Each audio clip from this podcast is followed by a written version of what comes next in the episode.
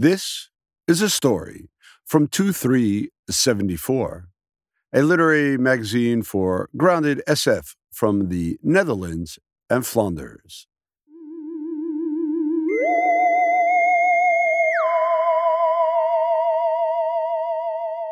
How Much for Prime Minister? A story by Roderick Leeuwenhart. Your identity is no longer something you can decide for yourself. You have to claim it from a highly regulated authority. The government determined the optimal mix of all possible identities in society using game theory a certain percentage of gays, a certain percentage of rock fans, so many homeless persons, and so many traders. This leads to harrowing situations when your assigned identity isn't consistent with who you really are, but deviating from it is punishable. A black market in identities emerged. How much for Prime Minister?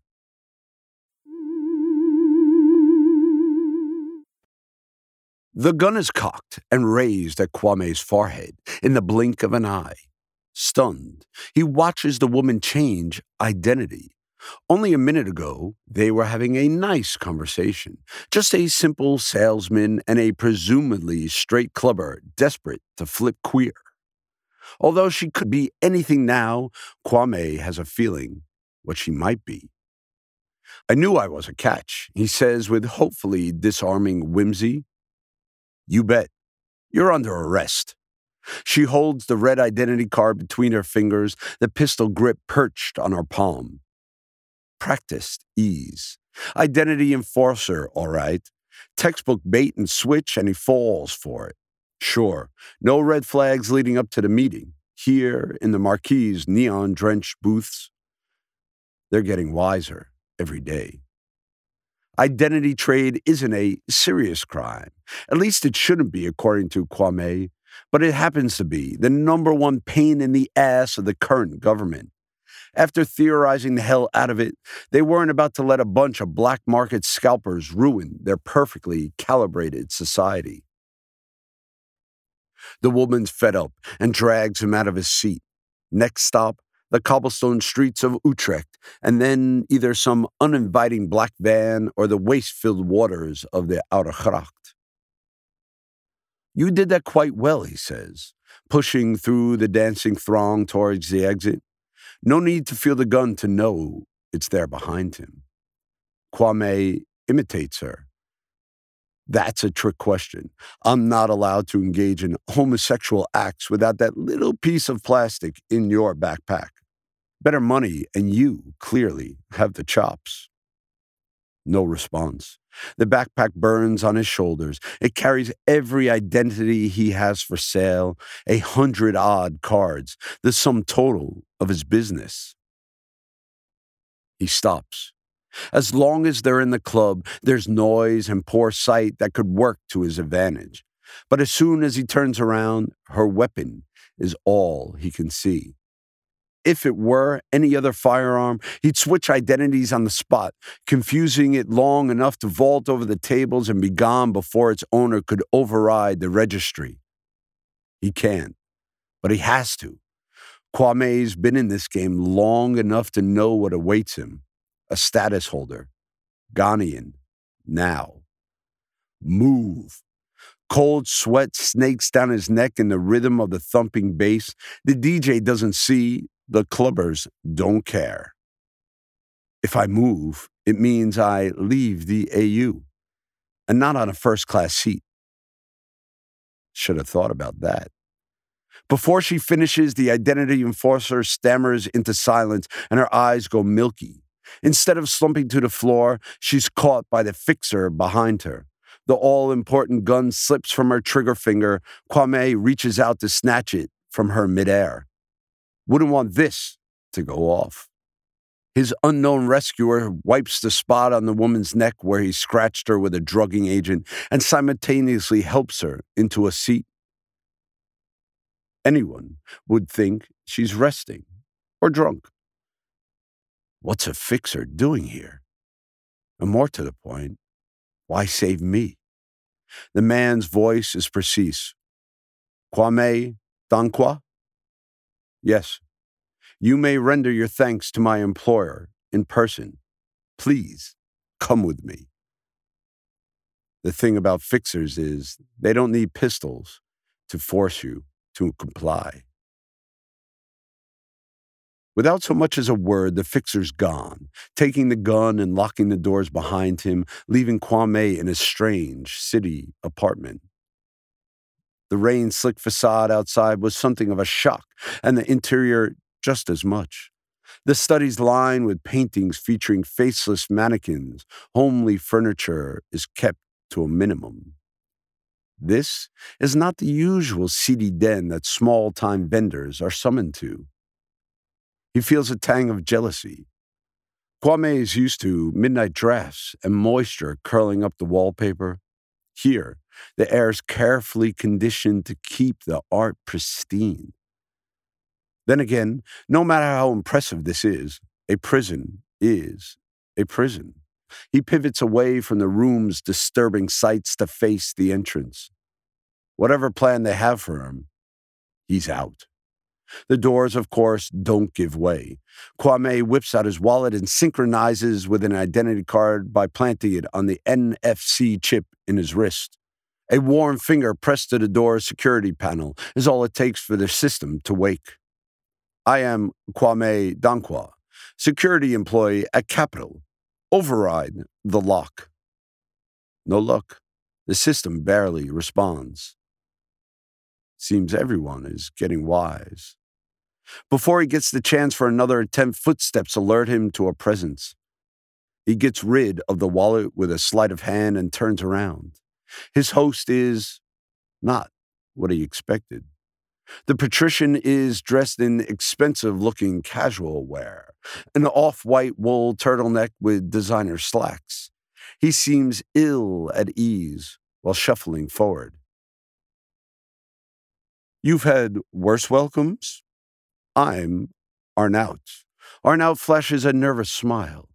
Do you know what today's number one vanishing identity is?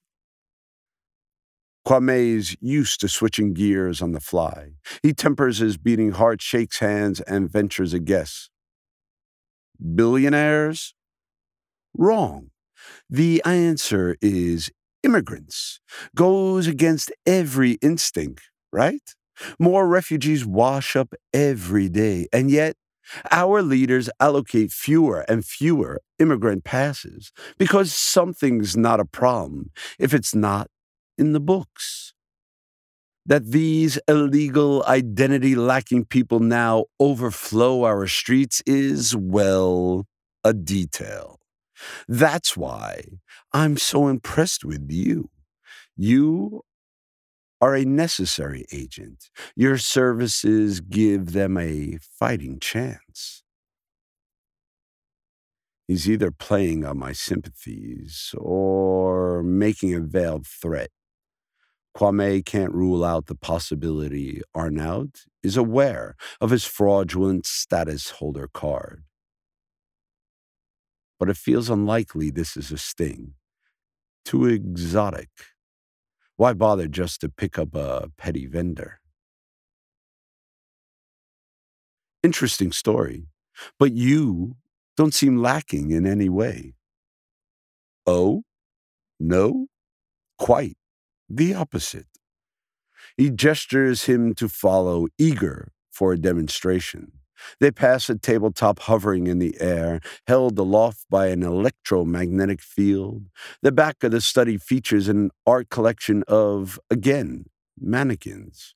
It's opulent and visually chaotic enough to miss the subtle hairlines cut into one of the abstract paintings. The outline of a door, hidden in plain sight. When Arnaut suddenly stops before it, Kwame takes a full second to notice.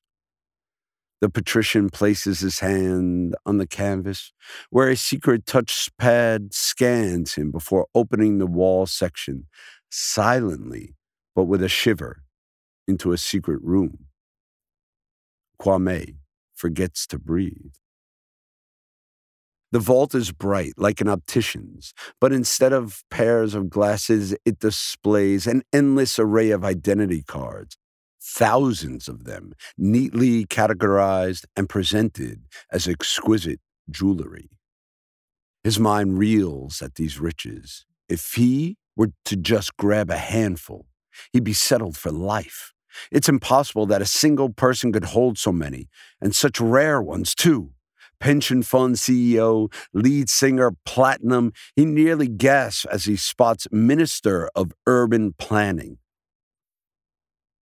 You're no ordinary rich man. He keeps his breath light with effort.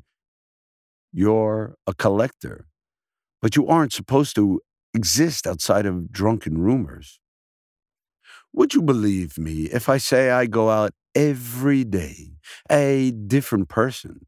Trying out new identities like pieces of fashion. Once you get into the habit of collecting, it's rather addictive. Arnaut walks deeper into the vault and brushes some of the cards with his fingers, lost in thought. Kwame is desperate to do the same, just to touch this wealth. He reaches out, but withdraws again. Arnaut seems oblivious to his struggle. It's no more than a walk in wardrobe to him. He's trying to dazzle me. But why? I don't deal in rares, and he obviously has fancier sources. Kwame closes his eyes as to ward off the temptation to no avail. He feels his curiosity winning, the need to know Arnaut's upcoming request and the reward on offer. Both must be monstrous after being abducted and buttered up this way. His host wakes from his thoughts, turns around. You must be hungry after all of that clubbing. While they were in the vault, Arnaut's invisible staff set the table with trays of sashimi and a soup tureen. The master of the estate waits patiently for his guest to seat himself and take a bite. He wasn't wrong, because Kwame's stomach glows with satisfaction as he digs in. Time for you to propose whatever it is you want from me, he says mid chew. The meal is more than dress up. Arnaut scoops a ladle into his bowl and begins. Yes, you're right. When I came of age, like every young patriot, I swapped my undecided card for the identity allocated to my profile. In 10 years, I worked my way up and, well, rolled into some lucky breaks, having no real need to remain a stockbroker, I started collecting identities, which was a little naughty of me. It's then that I stumbled into a bit of a crisis, I'm afraid. Again, that timid, embarrassed grin. I seem to have lost any idea of who I am exactly. Is it accountant, sculptor, software programmer? Did I ever really know? He suddenly chokes on a spoonful of broth and punches his chest, coughing. Kwame remains silent, happy to eat the premium tuna. Unlike Arnaut, he never had the luxury of starting life with the standard issue undecided identity for children. Privilege is invisible to the privileged. So, Arnaut continues, every night I head into my vault and try them on, all these precious cards, but the one feels no different or truer than the other. Now, before you raise your hand in protest, yes, I have consulted with psychologists and philosophers and the smartest salon merchants, but none of them can plainly tell me who I am. So that's it, Kwame thinks. Here are two men late at night breaking bread together.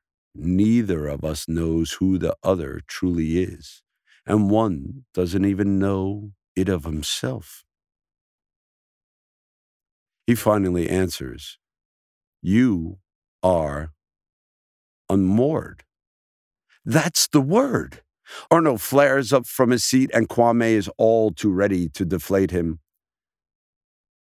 Get in line. I see that all day long. On every corner, slumping in hamburger joints, working counters, stalking the train cars. No one knows who they are.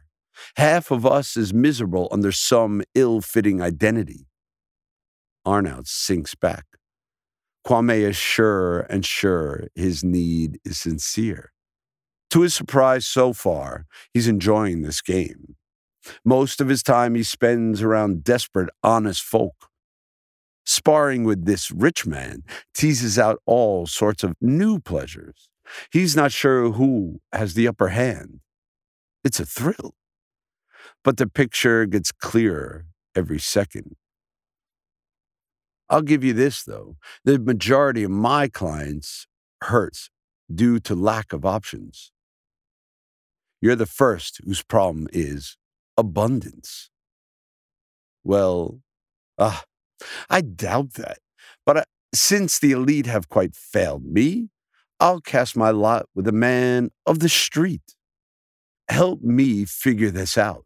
I offer you an obscene retainer for your services. Kwame pictures himself in the coming years, supplying Arnoud with new identities week after week, like a personal physician. In one stroke, he'd be lifted up. No more nightly haunts, no more one medical bill away from poverty. It would mean a better life, a future, the chance to naturalize for real. And all he has to do is say yes to a desperate man with more money than sense. Or he starts rummaging through his belongings, as if to present his wares. There, his wallet. Kwame fingers the cards, tension running through his body and making his hand tremble ever so slightly. Arnold hasn't caught on yet. I'm quicker than him, and his servants are gone. As nimbly as he can, he pulls out an identity and synchronizes it. Arnold realizes what's going on. Fuck! He reaches underneath the table, figures he's got a stash there for just such an emergency, and slams a card on his wrist as well. Their eyes lock. Arnold has grown pale. Kwame's face is flushed. He pushes himself to speak first.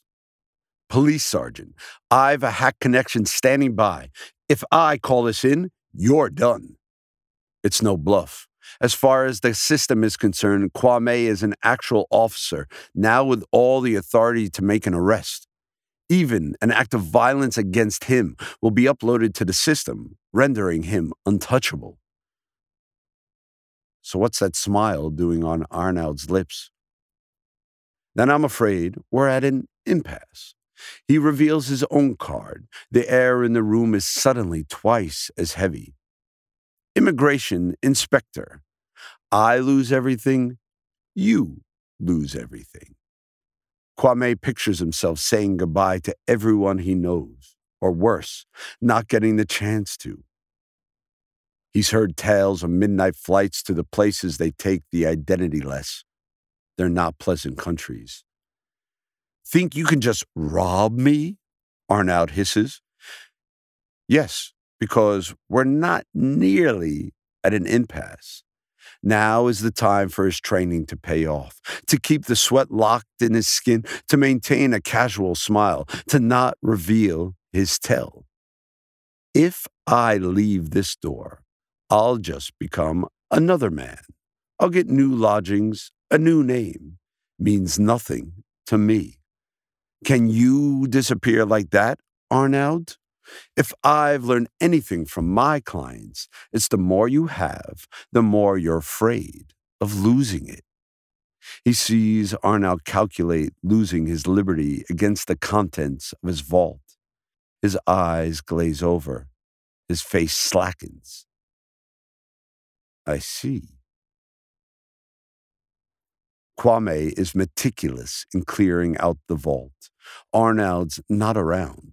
He resigned himself to his bedroom and locked the doors after dinner. Though a little morose, he showed good manners and wished Kwame a pleasant evening before leaving him to his theft. He pushes the identity cards into his bulging backpack, careful not to leave a single one. I'll be as rich a man as him, but I won't make the same mistake. This poison to the mind. In all his years, there's one thing Kwame has never done, despite moving among pushers and pimps. Not once has he preyed on his clients. Arnold was a willing victim, practically begging Kwame to take all he's worth. And he would have had it actually solved his problem. But Kwame looked in the patrician's eyes and saw no amount of cards would ever help him.